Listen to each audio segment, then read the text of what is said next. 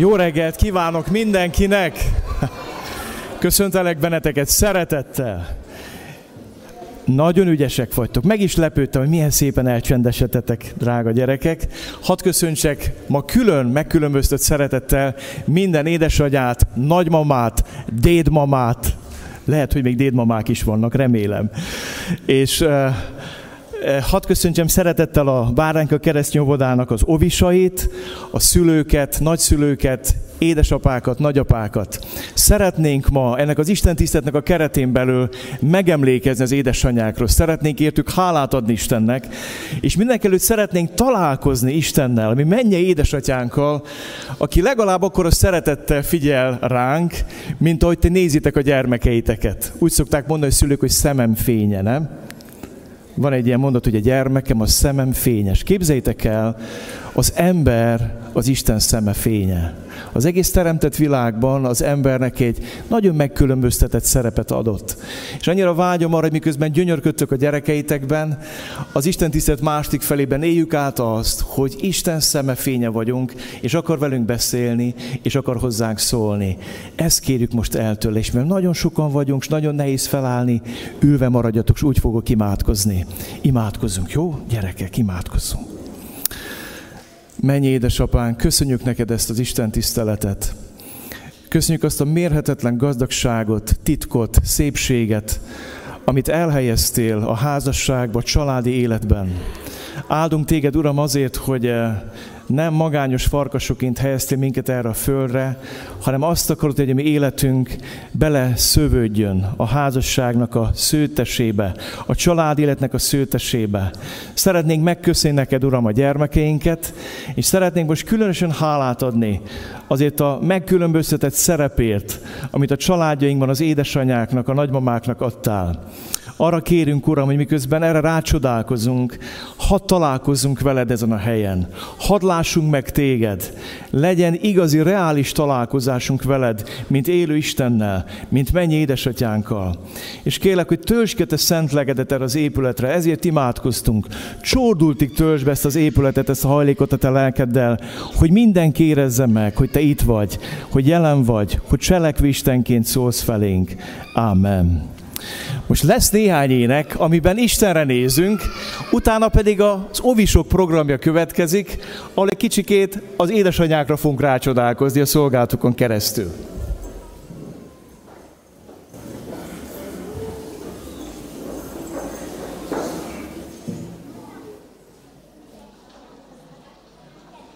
Szeretettel köszöntök én is mindenkit. Néhány énekben fogjuk Isten dicsérni, de mielőtt elkezdem, képzétek el, kedves gyerekek és felnőttek, a minap olyat láttam a városban, egy nagyon érdekes helyzetet. Álltam a, zebránál, akartam valakivel találkozni, és a másik oldalon volt egy férfi. És ült a biciklén, és várta a zöldet.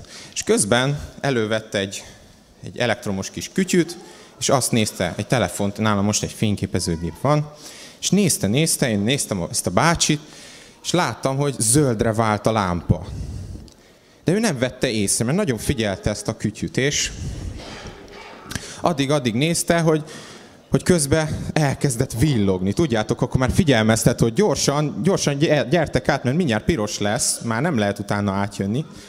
És kézzétek, villogott, villogott, és egyszer csak pirosra váltott, és akkor nézett föl ez a férfi. És látta, hogy piros, hát akkor vár tovább. És eszembe jutott az, hogy mi életünkben is vannak lehetőségek. Mi is szeretnénk valahova tartani, és azt, az a gondolat jutott eszembe, hogy Isten is hív, és jelez, ad jelet, hogy most van lehetőség, most van lehetőség jönni hozzá. És hogy olvastam a Bibliát, ez annyira megérintette a szívemet, Pálapostól Efézusiakhoz írt levelében írja, szeretetében, és Istenről beszél, szeretetében előre elhatározta, hogy fiaivá fogad minket Jézus Krisztus által. Akaratának tetszése szerint kegyelme dicsőségének magasztalására, amelyel megajándékozott minket a szeretetben. És Jézus Krisztusról beszél, hogy Isten megajándékozott minket Jézus Krisztusban. Benne van a mi váltságunk, az ő vére által, bűnök bocsánata, kegyelmének gazdagsága szerint tehát Isten megbocsátott. És lehet, hogy ezt sokan nem veszik ma észre. Még egy, utolsó gondolat. Kirándultunk a, a cserkészekkel, Gemenci erdőben, és vaddisznókat fényképeztünk. És észrevettem, hogy nem is a vaddisznókat nézem, hanem ezt a, ezt a fényképező. Fényképezőgében nézem a vaddisznókat, és nem láttam a teljes képet. Nagyon hasonlít ez a mai alkalom is. Eljöttünk ide, eljöttetek ide, és azon a szívemben, az van Isten szívemben, hogy lásd a teljes képet. Mikor eljössz ide, meglásd a keresztet, meglásd Jézus Krisztust, hogy mit tett érted. És már akkor rád gondolt, mikor nem is léteztél. Az élet hajnalán.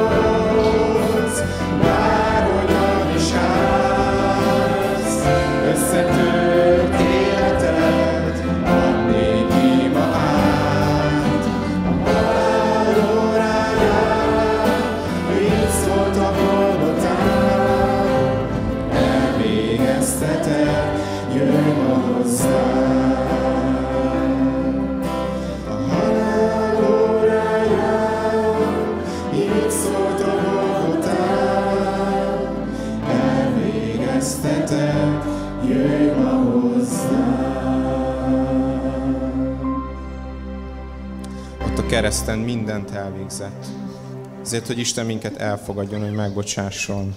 Áldott legyen ezért ő.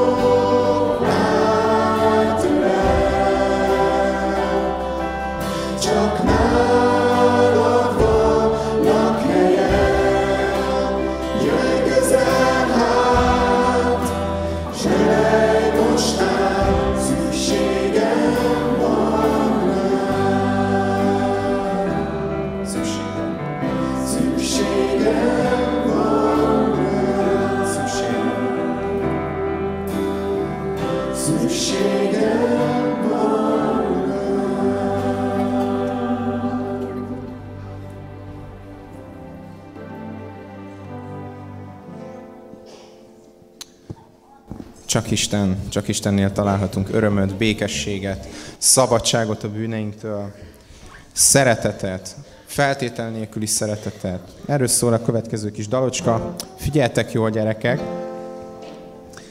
Ez egy gyerekdal. Olyan örömet, mint a forrás.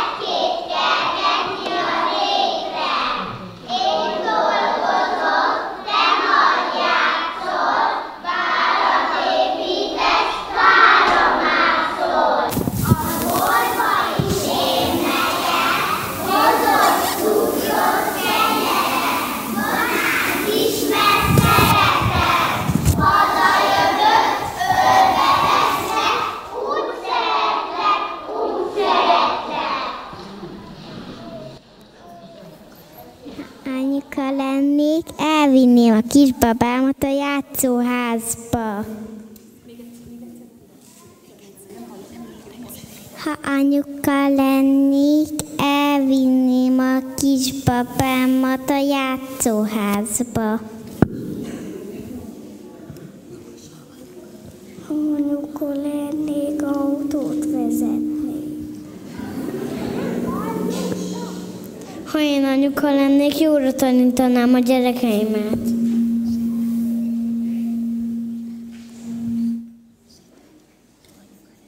Ha én anyuka leszek, akkor a kisgyerekemet elvinném sétálni. Ha én anyuka lennék, a gyerekemet elvinném fagyizni. Anyuka lennék, barbiznát, meg autóznát a gyerekeimmel. Én anyuka lennék, a gyerekemet elvinném a, já, az kertbe.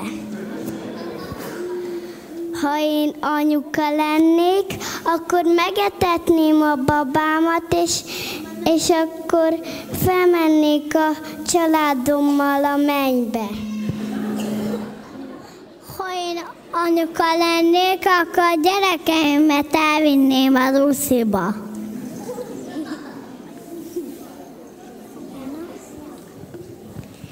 Ha én anyuka lennék,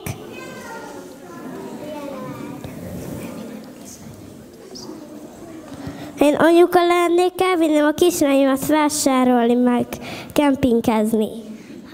Anyuka lennék, a kisgyerekemmel nézes kalácsot sütünk. Ha én anyuka leszek, akkor a gyerekemért elviszem a moziba. Ha én anyuka leszek, a kisgyerekemmel nyuszit simogatok. Ha én anyuka leszek, játszani fogok a gyerekemmel. Ha én anyuka leszek, elviszem a családomat kirándulni. Ha én anyuka leszek, a gyerekemmel tanulnék. Ha én anyuka leszek, kertészkednék a gyerekemmel. Ha én anyuka leszek, elvinném a gyerekeimet cirkuszba.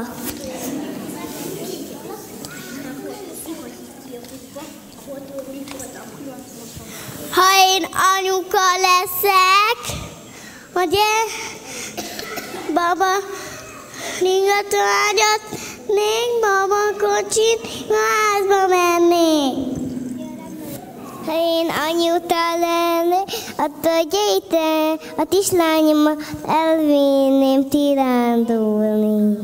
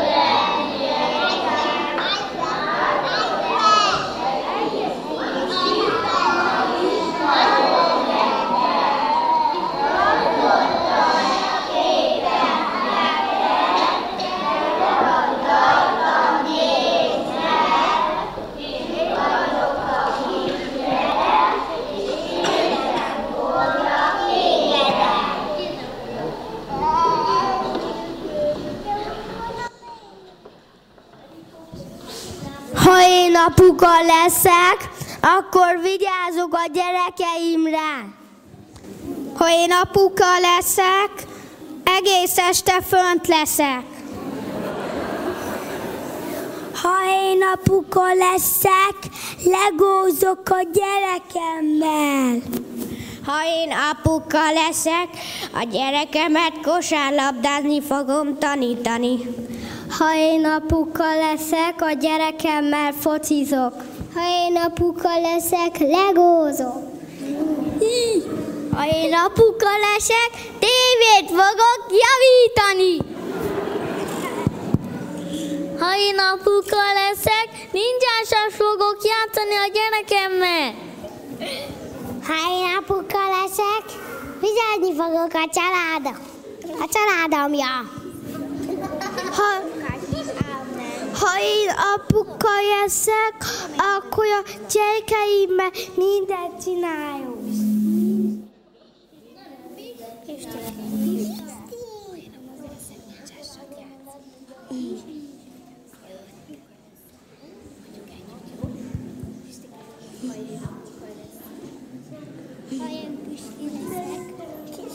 Mondja, mondja. együtt, ha én apuka leszek.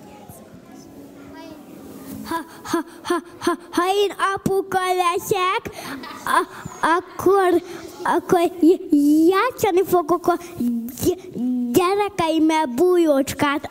Amen.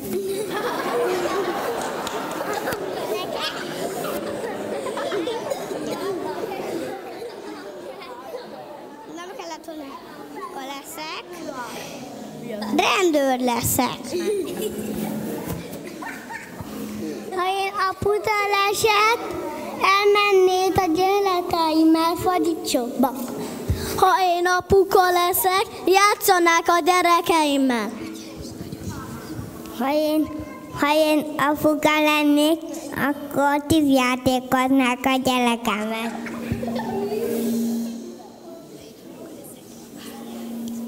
Ha én apuka leszek, dolgozni járok. Ha én apuka lennék, autót szerelnék. Ha én apuka lennék, elme- szívesen mennék a dolgozomba. Én apuka leszek, szíves Egy- Mondjuk, én mondom veled, jó? Ha én apuka leszek. Én apuka leszek, lántot húzószöknék a gyerekemnek. Kutyaállításba mennék a gyerekemmel. Ha én apuka leszek, kutyaállításba mennék a gyerekeim. Ha én apuka lennék, ak- akkor, akkor a gyerekeimet elvinnem a vasútállomásra. Ha én apuka leszek, ö, ezért éjszaka fölnélnék és játszanák. Ha én apuka leszek, akkor fölmennék a mennybe, és motoroznám a gyerekeimmel. No, elmondod? Ha én apuka leszek, akkor, ha, akkor elvonom a gyerekemet a.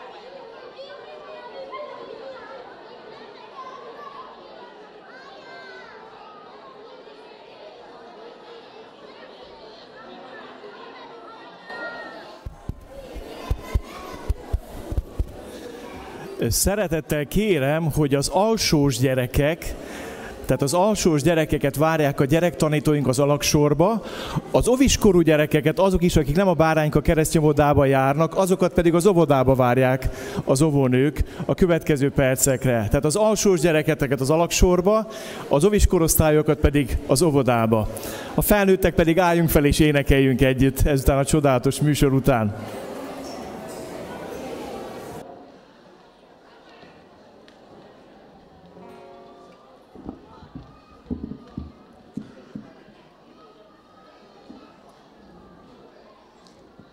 olyan örömöt, mint a forrás. Amen.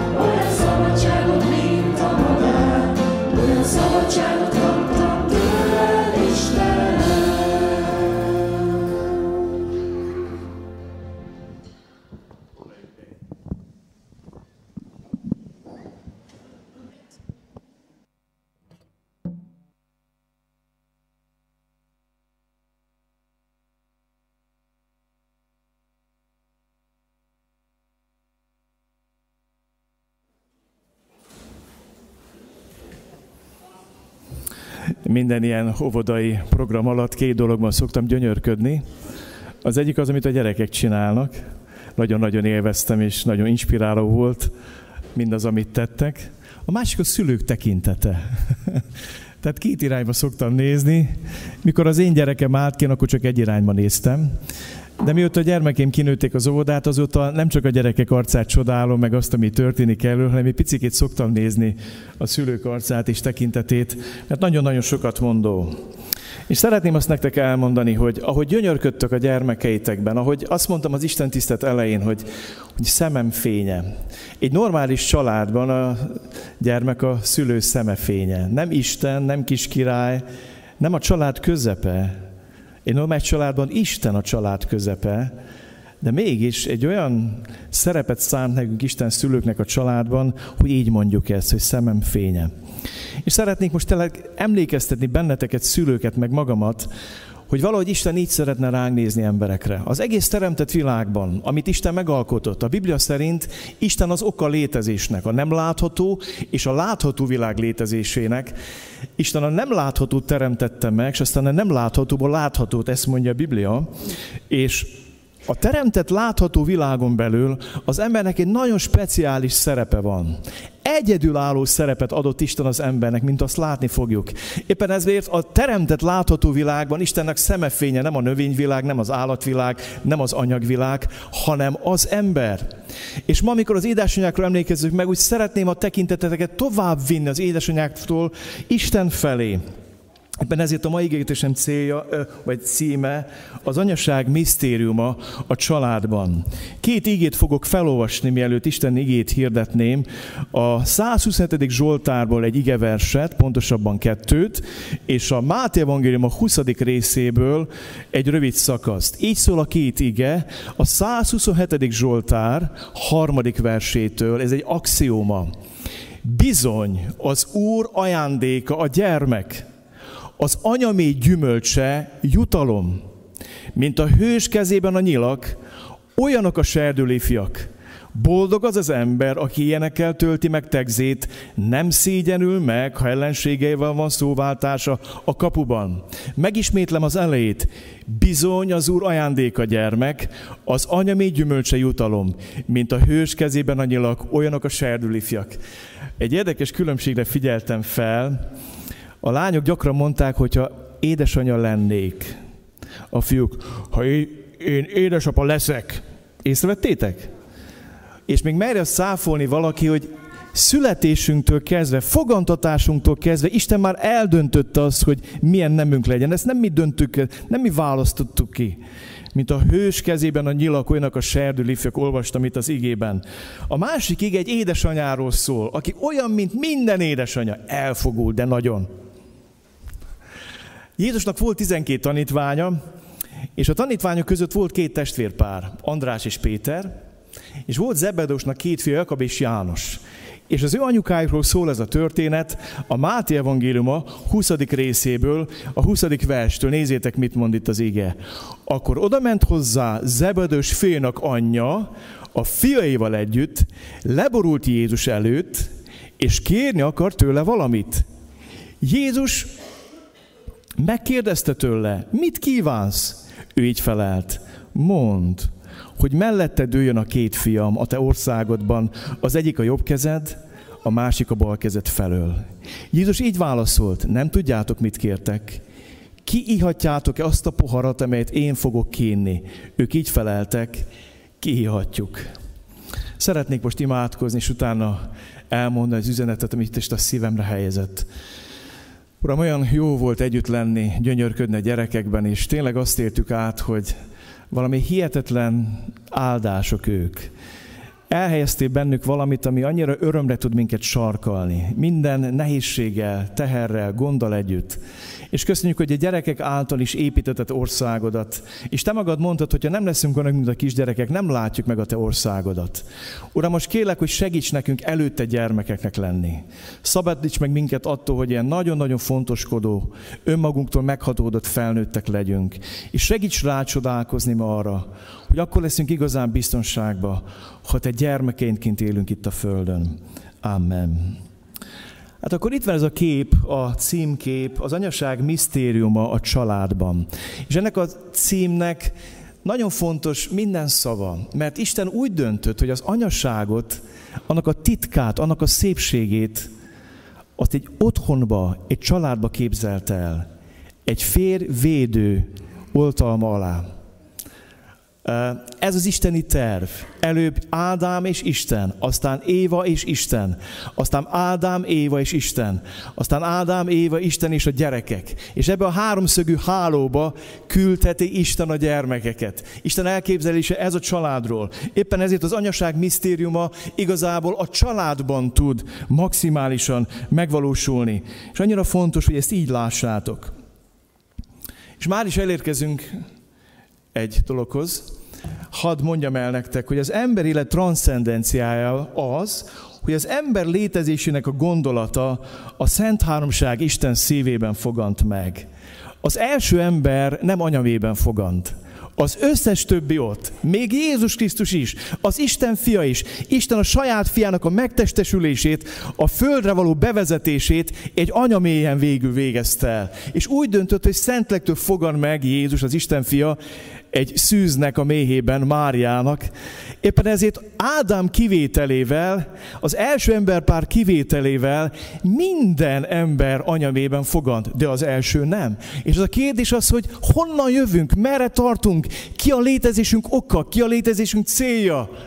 A Biblia szerint nem a vakvéletlen, nem ősrobbanás, nem evolúciós évmilliárdoknak a terméke az ember, hanem az ember létezésének az oka Isten. Éppen ezért a létezésünkben van valami transzcendens. Úgy szoktam mondani, hogy az ember határlény. Ott mozog a nem látható és a látható világ határán.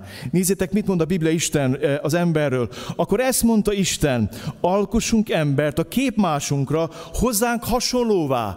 Megteremtette Isten az embert a maga képmására, Isten képmására teremtette férfivá és nővé teremtette őket az első emberpár létezése a Szent Háromság Isten szeretett közösségében fogant, így is mondhatnám. Onnan jövünk, onnan eredünk. Ebbe a kapcsolatrendszerbe érkezett Ádám és Éva az édenkertbe. Éppen ezért az Istennevel kapcsolatunk az identitásunk része. Ezer szállal kötődünk a Teremtőhöz. Bármennyire is tiltakozunk kellene, bármennyire is szeretnénk tőle elszakadni, bármennyire is szeretnénk vele szembefordulni, ezer szállal kötődünk az Istenhez. És éppen ezért azt szoktam mondani, hogy az ember csak addig tud ember lenni, igazán ember, mi kötődik a teremtményként a teremtőjéhez. Isten különleges szerepet szánt nekünk embereknek itt a világon. És ezt már egyszer bemutattam itt egy gyermek bemutatáson, Ilyet sokat láthatok. Lehet, hogy vetetek a gyermekétek, hívják, hogy szövőkeret. Nagymamámnak volt igazi nagy szövőszéke, és a szövőkeretnek van egy nagyon érdekes sajátossága. Az első, hogy előre ki kell feszíteni a függőleges szálakat rá. Azokat a szálakat, amik függőlegesek, fölfele mutatnak. Minél sűrűbben vannak kifeszítve ezek a függőleges szálak, annál erősebb lesz majd az a szövet, amit megszövünk, az a szőttes.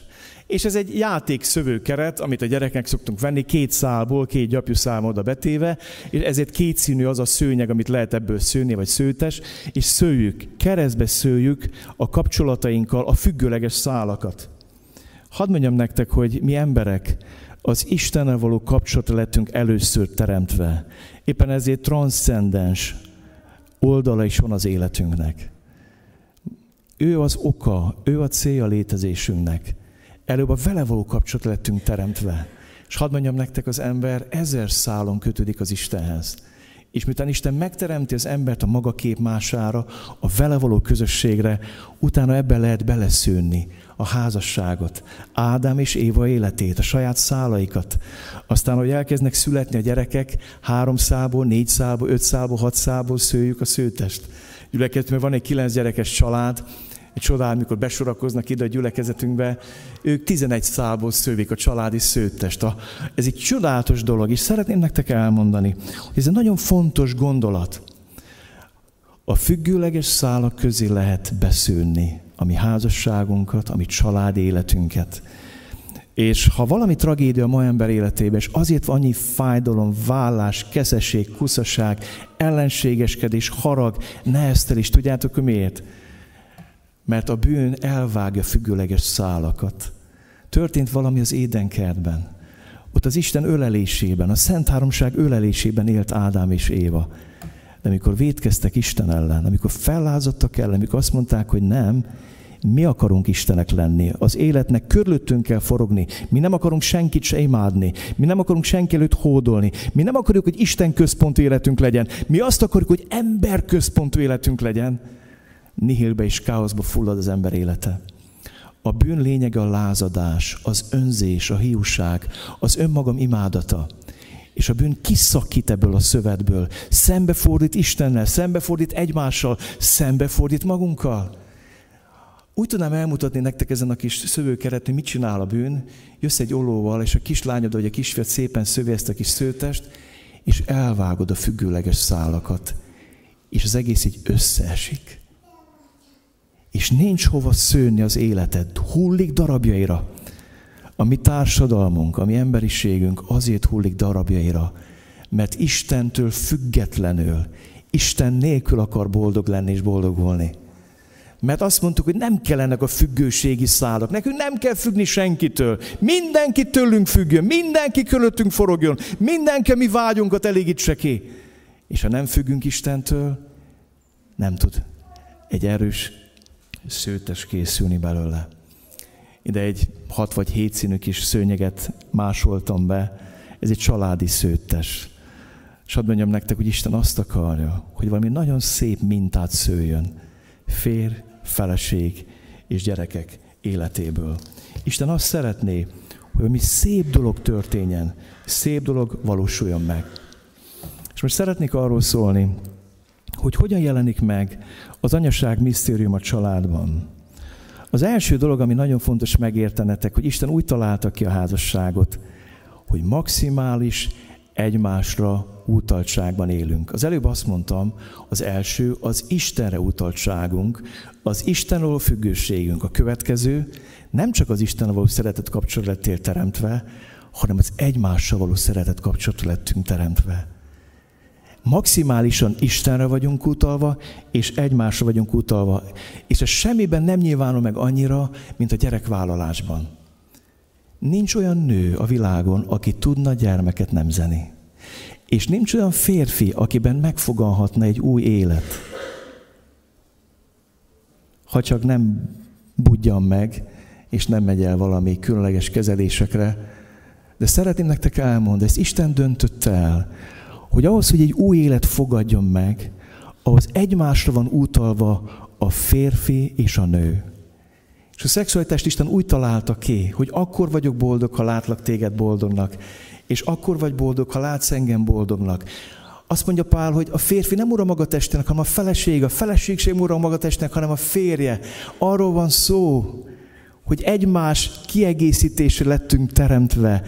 Arra, hogy egymásra utaltan éljünk. Éppen ezért minden ember élet egy férfi és egy nő szeretet közösségébe kell érkezzen a szerelmük gyümölcseként. Ezt Isten így találta ki. Egy férfi és egy nő szeretet közössége a házassági szövetségebe érkezzen a szerelmük gyümölcseként. Nagyon fontos ez. Persze mi próbálkozunk alternatívákkal, spermabankkal, meg mi egymással, és mi akarunk függetlenek lenni Istentől, és függetlenek lenni egymástól, és ebben a lázadásban mi szeretnénk egyedül, egyedül gyermekeket vállalni. Egy nagyon furcsa világban élünk. De ez nem az Isten terve. És azért van annyi szakadás, annyi fájdalom, annyi seb, mert elszakadtunk Istentől. Szeretnék tovább menni szólni az egymás utaltság után a felelősségvállalás férfias szépségéről és titkáról. Amikor egy, egy házas pár gyermeket vállal, akkor előbb a férj felesége, felelősséget kell vállalni a feleségéért addig ne akar gyermekben gondolkodni, kedves fiatalember, vagy házasságra készülő fiatal férfi, amíg nem döntötted el ezt, hogy felelősséget fogok vállalni egy nőért kizárólagos felelősséget. Ez az első. Vállalom a felelősséget érted, és a benned megfogant életért. És hadd mondjam nektek, az egyik legszebb dolog bemutatni és megélni Isten szeretetét, gondoskodását, irgalmát és megbocsátását feleségünk és gyermekeink felé a világban. Ez a világ egyik legférfiasabb dolga. Igen, valami csodálatos. Isten úgy találta ki, hogy az a férfias férfi, aki tud áldozatokat hozni, aki tud nem csak önmagának és önmagáért élni, hanem tud másokért élni, aki oda tudja az éle, adni az életét másokért, nem csak úgy, hogy meghal a családáért, hanem úgy minden nap. Olyan sokan mondták itt, hogy elmegyek dolgozni, elmegyek dolgozni, hogy gondoskodni fogok, hogy szeretni fogok, hogy áldozni fogok. Férfias dolog ez, amikor azt mondod, hogy vállom a felelősséget, érted, feleségem, és vállom a felelősséget a születendő gyermekekért. Ez egy gyönyörű szépség és titok. És szeretnénk most tovább menni, és szólni a másik részéről, hogy van a, egy nőies titkunk is. A támogató szeretet és tisztelet nőies szépsége és titka. Azt olvassuk a Bibliában, hogy ezt mondta az Úristen, nem jó az embernek egyedül, alkotok hozzá illő, segítő társat. Annyira szeretem ezt a három szót. Hozzáillő, segítő társ. Hozzáillő, segítő társ. A nagy dolog, amikor egy férfi felnő arra felelősségre, érettségre, hogy felelősséget válna a feleségét, a családjáért, a gyermekeért. És olyan nagy dolog, mikor egy nő felnő arra, hogy szeretnék társad lenni, hozzád illő, illeszkedő, segítő társad lenni, az Istentől kapott céljét megvalósításában, a család életünk felépítésében, megvalósulásában szeretnék társad lenni. Nagyon érdekes, van egy új szövetségi ége is, ami azt mondja, rendeljétek alá magatokat egymásnak Krisztus iránti tiszteletből. Itt arról van szó, hogy mind a ketten függünk Krisztustól. Eldöntöttük azt, hogy ő lesz az életünk ura és központja. Nem én és nem te. Ezért nem egymással birkózunk, egymá, nem egymással küzdünk, hanem egymásért az Istentől kapott közös célok érdekébe. Egy keresztény házasságban a konfliktusok minimum fele ki van húzva. Tudjátok, hogy mivel? Nem az a kérdés, hogy nekem van igazam, nekem van igazam. Mi erről Isten véleménye? Mi nagyon keveset vitatkozunk Laurával, tudjátok, hogy miért? Mert legtöbb esetben Isten dönt helyettünk. Megkérdezzük, hogy Istenem, erről neked mi a vélemény? Arról nem nyitunk vitát. Abban követjük őt, abban igazodunk hozzá. Aztán utána jön az, hogy alárendünk magunkat egymásnak Krisztus félelmében. És olyan nagy dolog az, amikor egy feleség támogató szeretettel tudja körülvenni a férjét. Egy férj küzd a családjáért, felelősséget vállal értük, szeret őket áldozattal, mint Krisztus az egyházát, és egy feleség azt mondja, hogy támogatlak téged abban, hogy egyre jobban hasonlíts Jézushoz. Hadd mondjam nektek, ez nagyon nőies dolog.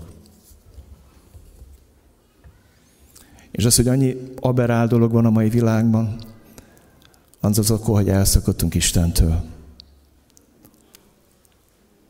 Bárcsak ezek a gyerekek nem romlanának el, Bárcsak úgy tudnátok nevelni őket, hogy átadjátok a Biblia értékeket nekik. Bárcsak úgy tudnátok nevelni, hogy ne az óvodára bízzátok, csak hogy ott tanítsák őket ezekre, hanem ti magatok úgy élnétek eléjük ezeket a példákat, hogy ezt tanulják meg és vigyék tovább. Nagyon fontos dolgok ezek. Ezzel szemben egy nagyon megsebzett világban élünk. Tele önzéssel, hiúsággal, amikor a szerelem és a szabad szex minden fölülír amikor a pornográfia lealacsítja nőket élvezeti cikkekké, amiket el lehet dobni. Hol van itt a férfiasság? Hol van itt az, amit Isten tervezett? Annyi seb, annyi fájdalom van ebben a világban, amit a bűn hozott be. És szeretnék tovább menni az édesanyák egyedülálló szerepére az élet továbbadásában. Anyamé a héber nyelvben az anyamé és az írgalom az ugyanaz a szóval van kifejezve. Amikor Isten az írgalomáról akar beszélni, azt mondja, az én írgalmam olyan feléd, mint az anyamé. Van valami csodálatosan szép, titokzatos, hogy az életet Isten úgy találta ki, hogy egy édesanyja méhében fogadjon meg az élet. Annak a körülelő szeretetével, az egész testével veszi körül, öleli körül a magzatát az anyuka. Valami csodálatos ez.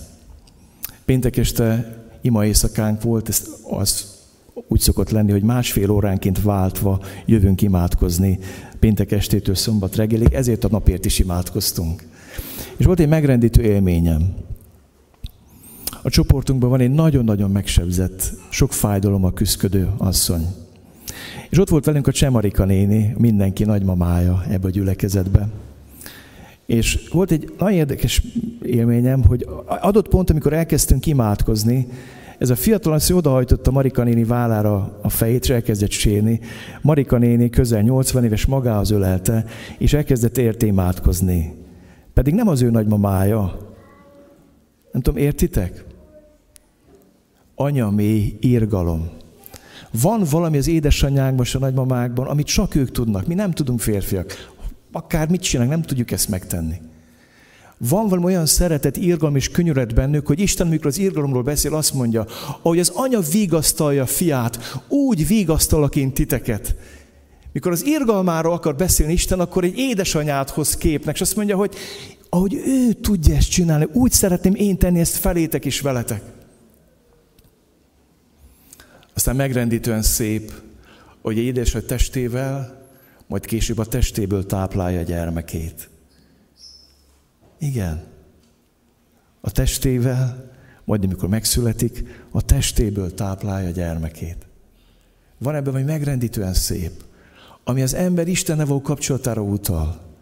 Az ember arra lett teremt, hogy Istenből éljen, hogy Istennel éljen, hogy Istennel járjon.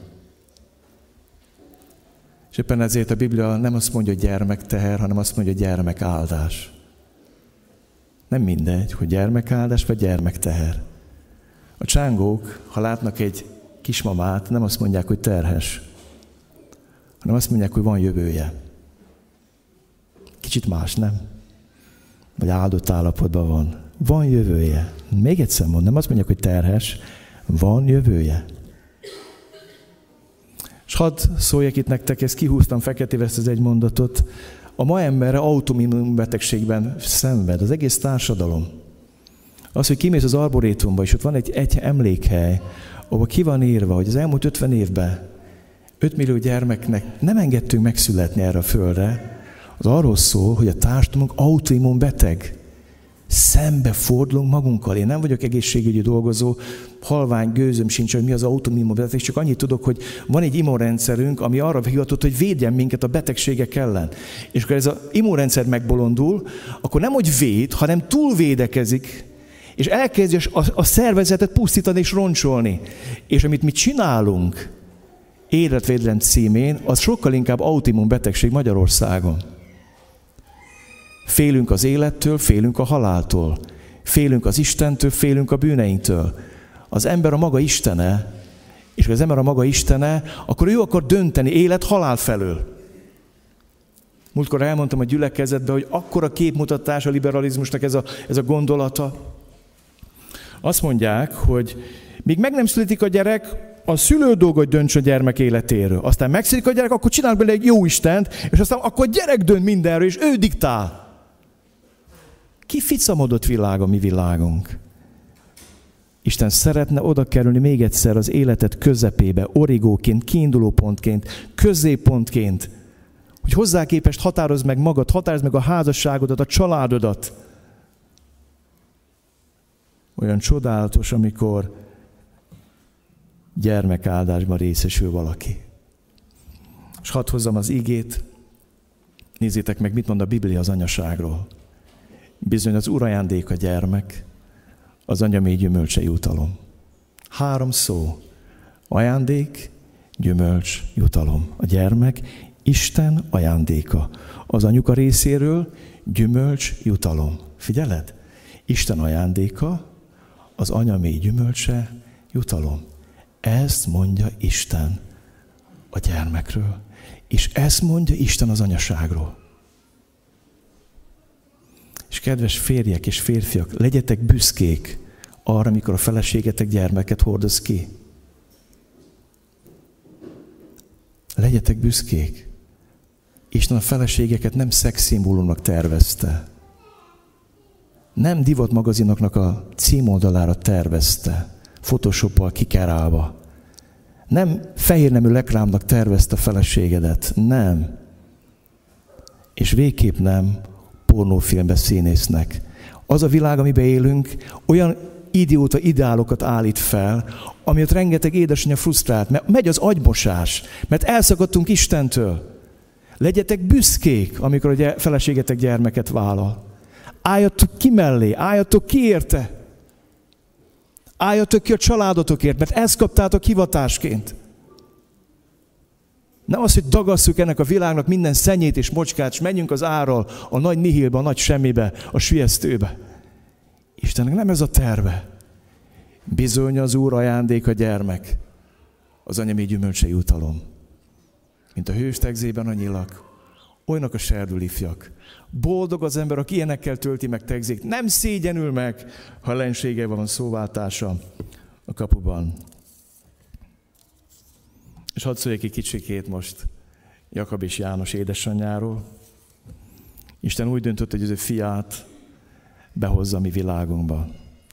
Mikor elszakadtunk Istentől, hátot folytottunk neki, akkor elszakadtunk egymástól. És szembefordulunk vele önmagunkkal és egymással. Jézus úgy döntött Isten, hogy megbékít minket magával. És az Isten fia Jézus azért jött erre a földre, hogy megkeressen minket. Ezeket az elszakadt szálakat, amiket elvágott az ördög a bűneink miatt, ami miatt sodródunk és nihil az életünk, újra összekösse. És ennek a Jézusnak volt 12 tanítványa. Egy testvérpár, Jakab és János. Szerettek vitatkozni az, hogy ki a nagyobb. És egyszer az anyukájuk oda mentek Jézushoz, és az anyuka maga mellé vette a két fiát, és ment Jézushoz. Odaért Jézushoz, leborult. És kérdezi Jézus, hogy mit szeretnél? Mondd, mondd ki. Én annyira szeretném, ha az én két szép szálfiam a te országod, a te jobb, és a te bal kezed felén lenne.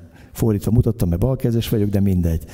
Tehát ott lenne melletted, a két oldalodon. Ennek az anyukának még gőze nem volt hogy mi az az Isten országa.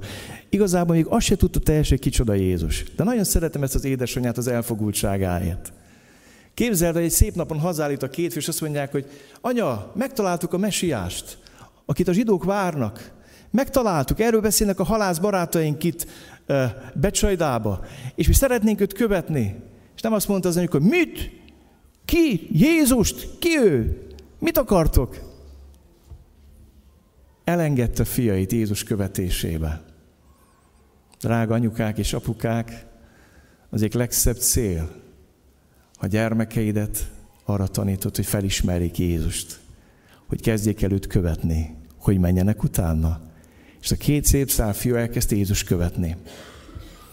De volt bennük egy ilyen kis hamis nagyra vágyás, nem értették Isten országát, hogy ott az a nagy, aki sokakat szolgál, az az erős, aki a gyengét fölkarolja, ott az a gazdag, aki másokat gazdagít. Isten ország egész másként néz ki. Nem gyógyultak ki az ő hiúságukból, és oda mentek és hogy Uram, én szeretném, hogy a te két oldal ott állna az én két fiam, abba a beosztásba, igazi karriert futnának be, futnának be melletted, és mégis van ebbe egy evangélium üzenet. Én arra vágyom, és azért imádkozom, hogy Uram, add meg, hogy a gyermekeim találkozzanak veled. Add meg, hogy a te követőid legyenek. És arra vágyom, hogy a te céljaid valósuljanak meg bennük. Nem az én álmaim. Olyan sok szül a saját álmait álmodja be a gyerek lelkébe, és ezzel teszi őt tönkre. Hatalmas terhet, nyomást éve rá. Ki tudnád ezt ma mondani, hogy Uram, úgy szeretném, ha te álmaid, a te tervéd valósulnának meg az én gyermekem életébe, mert senki nem szereti úgy a gyermekeimet, mint te. Még én se tudom őket úgy szeretni, mint te. Mert te haltál meg értük a Golgotai kereszten, te adtad az életedet magadat, ma, ő értük. Valósulnak meg, Uram, a te álmaid, a te terveid. Drága szülők, amikor orendeljük magunkat Isten hatalma és tekinté alá, akkor az a gyermekeink egy sokszoros védelem alatt vannak. Ha egy férj Istent követi, akkor a felesége kettős védelem alatt van. Ott van Isten tekintés védelem alatt, és ott van a férjének a védelem alatt. És a gyermekek ott vannak Isten, a férj és a feleség védelme alatt. És akkor már nem azért imádkozni, hogy de minimum ügyvéd legyen, minimum orvos legyen, meg minimum az legyen, amit nem lehettem, hanem azért imádkozik, Uram, úgy szeretném, ha te terved valósulna meg a gyermekeim életébe. Ez egy ilyen anyuka volt, az Zebdeus fiak anyukája. És Jézus visszakérdez, és azt mondja, nem tudjátok, mit kértek. Kihagyjátok ezt a poharat, amelyet én fogok kínni. Ők így feleltek, kihatjuk. De nem tudták, hogy miről beszélnek. És most szeretnék nektek egy döbbenetes dologról szólni. Most értettem meg ennek a történetnek a kapcsán, hogy mi is történt. Az Úr Jézus Krisztus, amikor meghalt a Golgoté kereszten, vele együtt megfesztette két gonosztevőt. Biblia úgy mondja, két latort. Jézus középen az egyetlen tiszta, szent és ártatlan ember volt, aki semmi bűn nem követett el. Mégis az Isten bárányaként magára vett a világ összes bűnét. És azért van a kereszten értem és érted, mert mi védkeztünk, mert mi lázadtunk, mert mi elszakadtunk Istentől. És hogy elgondolkoztam azon, hogy János ott volt a kereszt alatt, hogy vajon mit érezhetett János, amikor megállt a Golgoté kereszt alatt, és meglátta Jézust, az ő mesterét a Golgoté kereszten, eltorzultan, megkorbácsolva, szenvedve. És meglátta jobb és bal keze felől ezt a két gonosztevőt. Vajon nem jutott eszébe az, hogy mit kértünk mi anyával? Azt kértük, hogy az Isten országába adja meg nekünk, hogy a jobb és a bal keze felül lehessünk ott. És Jézus azt kérdezte, hogy kihatjátok ezt a poharat, a szenvedésnek azt a poharát, amit mi kiiszunk. És mi azt mondtuk, hogy kiisszuk, kihatjuk. És szeretném nektek elmondani, ebben a három keresztben, ebben a három emberi sorsban benne van az egész világ emberisége. Mert van egy lator, aki megtér a kereszten, és azt mondja, emlékezz meg róla, amikor eljössz a te országodba. Ezen a három kereszten három édesanyja méhének a gyümölcsét látjátok.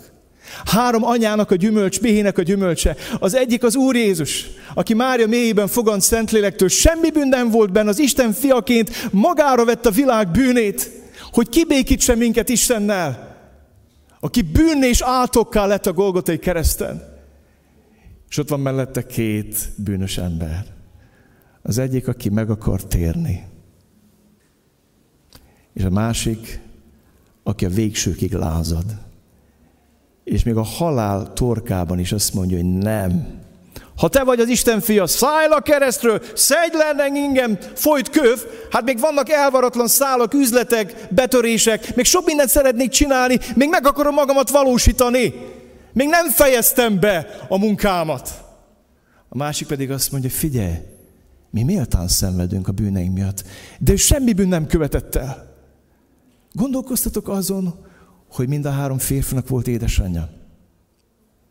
Gondolkoztatok azon, hogy minden három édesanyja álmodott egy jövőt a gyermekének?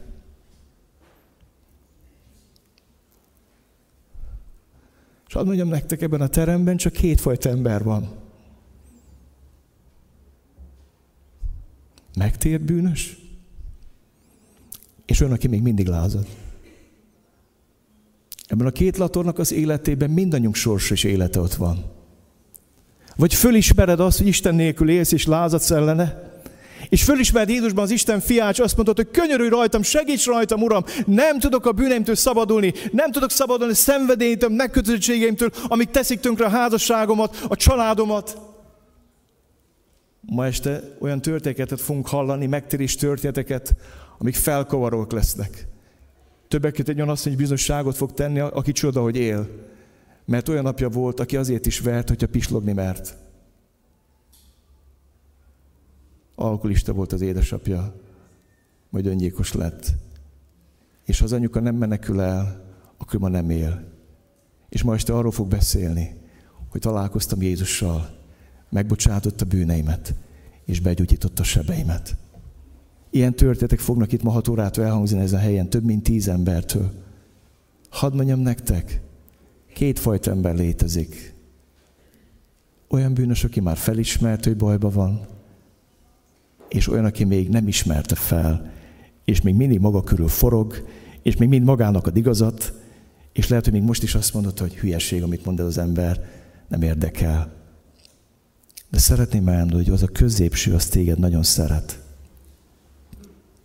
Az Isten fia Jézus téged nagyon szeret. Ő mind a két latorért meghalt. Az egyik elfogadta, a másik elutasította. Ez a különbség a ma emberek között. Az egyik elfogadja Isten szeretetét és megváltását, a másik eltaszítja magától. Ezzel a mondattal szeretném befejezni ezt az ége hirdetést. Nekünk és gyermekeinknek mindennél nagyobb szükségünk van megváltóra és megváltásra. Ennek a keresztnek van két szára. Egy függőleges, ahol Isten az Isten a, bűn, a tőle elszakadt ember kapcsolatát gyógyítja. Emlékszem arra, amikor 16 évesen rám szakadtak a bűneim. Emlékszem arra, amikor letérdeltem a kereszt alá, és azt mondtam, Úr Jézus, könyörülj rajtam. Én egy bűnös ember vagyok. És megbékített az Isten önmagával, és elkezdte összekötözgetni ezeket az elszakadt, függőleges szálakat, hogy újból kapcsolatom legyen az Istenem, mint mennyei édesapámmal. És van ennek a keresztnek egy vízszintes szára, ahol Isten nem csak a vele való kapcsolatunkat gyógyítja, hanem az egymásra való kapcsolatunkat. Mind a kettő végtelen. Nincs annyi bűnöd, nincs olyan nagy bűnöd, és nincs olyan sok bűnöd, amiért ő ne halt volna meg, amit nevet volna magára. És hadd mondjam neked, nincs olyan elrontott kapcsolatod, amit ő ne tudna meggyógyítani.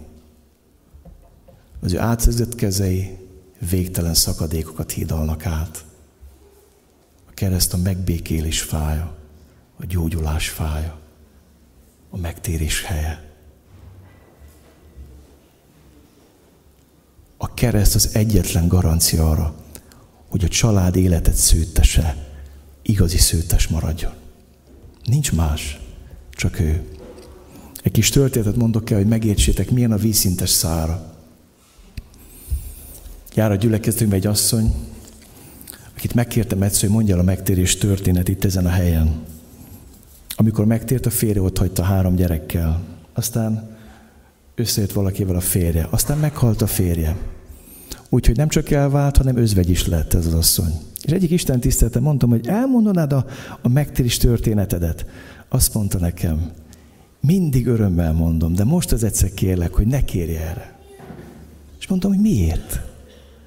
Kapaszkodjatok meg, azt mondta, meghívtam azt a nőt ide az Isten tiszteletre, aki a férjem második felesége lett. Én is ősz vagyok, ő is, és elhívtam ide, hogy találkozon Isten szeretetével. És nem akarom a sztorit elmondani, mert ez bántaná őt. Egy dologra vágyom, hogy ő is megismeri Isten kegyelmét és szeretetét. Értitek? Még egy titkot elárulok. Dajka az óvodában az, hogy mielőtt még nagyon filozófálgatnátok. A kereszt a megbékélés fája. Ő hozzá hívunk benneteket. Nem csak egy anyákrapra, minden Isten tiszteletre.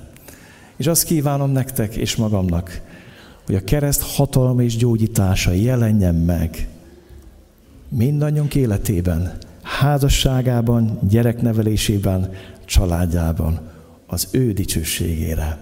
Amen. Engedjétek meg, hogy imádkozzam értetek, hajtsunk fel és imádkozzunk, utána énekelni fogunk, és aztán a gyerekek jönnek és köszöntik az anyukákat. Hajtsunk fel és imádkozzunk. Köszönöm, Úr Jézus Krisztus, hogy Te vagy az Isten fia. Köszönöm, hogy itt vagy most is ezen a helyen. Köszönöm, hogy ott a kereszten a világ legnagyobb csodája történt. Benned a te testedben találkoztak a mi bűneink, a mi lázadásunk, a mi elrontott kapcsolataink, az Isten tisztaságával és szentségével. Benned a te testedben találkoztak a mi tönkrement kapcsolataink, Annyi minden elszakadt az életünkbe. Jövünk hozzád, és megvalljuk azt, hogy Te vagy az Úr, Te vagy a király. Imádkozom minden édesanyáért, minden édesapáért. Imádkozom minden feleségét és férjért, akit már megszólított a Te szavad. Imádkozom azokért, akik írdatlan sebeket cipelnek, vagy akikben a Te szavad sebeket tépet fel. Kérlek, hogy áld meg őket. Add, hogy higgyenek benned. Add, hogy hittel tudjanak rád nézni. És tudjanak megbékülni veled, önmagukkal és egymással. Amen. Kérem az éneket, hadd mondjam nektek, hogy a gyerekek innen fognak érkezni, vagy, vagy onnan majd kiderül, és minden édesanyja és nagyma fog kapni egy virágot, és a virág mellé egy igekártyát, a Bibliából egy idézetet, ami lehet egy útra való, egy bátorítás a számotokra. Mivel utána itt nagyon-nagyon elindul az élet, engedjétek meg, hogy most mondjam el a hirdetéseket, utána már nagyon gyakorlatilag lehetetlen lesz, az az érzésem. Egy icipici türelmet kérnék. Ma délután 6 órától tanúságtételeket hallgatunk meg. Egy olyan esténk lesz, ahol tízen fognak bizonyságot tenni arról, hogy Isten hogyan változtatta meg az életüket. Ma egy hete is ez volt, akik nem voltak, akik nagy dolgokról maradtatok le, akik nem szeretnétek lemaradni, gyertek el ma este 6 órára, mert egy igazi örömünnep lesz a ma esti alkalom. Aztán szeretném megköszönni mindazoknak, akik eljöttetek imádkozni péntekről, szombatra viradólag. Én hiszem, hogy Isten megáldott bennünket, kiárasztotta ránk a szent lelkét, három ilyen kis csoportba tudtam bekapcsolódni, és nagyon jó volt együtt imádkozni velük. Azt is szeretném hirdetni, hogy mivel van róla őség el vannak utazva, és ma délután más programunk van, a házasság szerviz alkalom az jövő vasárnap délután lesz. Tehát nem ma este, ugye a hónap első vasárnapján szokott lenni, hanem jövő vasárnapra marad. És a negyedik, amit szeretnék hirdetni, hogy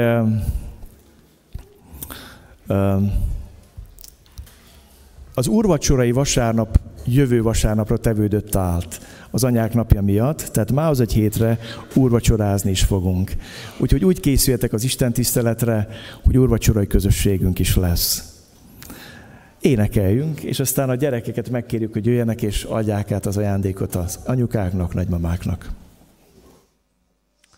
Ahogy készültem erre a dicsőítésvezetésre, és az anyák napjára gondoltam, eszembe jutott édesanyám, aki 2011-ben vesztette el az életét. Nagyon sok mindent kaptam tőle, sok szeretetet, sokat tanultam tőle. És mégis érezte az életében, hogy van egy dolog, amit nem tud nekem megadni. És én Jézus Krisztusban tényleg megtaláltam azt, amire ő is ráérzett, hogy amit ő nem tud megadni. Jézus Krisztusban találtam meg a bűnbocsánatot, a bűntől tisztulást. Ebben erő van, ebben a kapcsolatban. Erről szól ez az ének, és akár lehet ezt számodra is személyes. Benne van, csak benne van.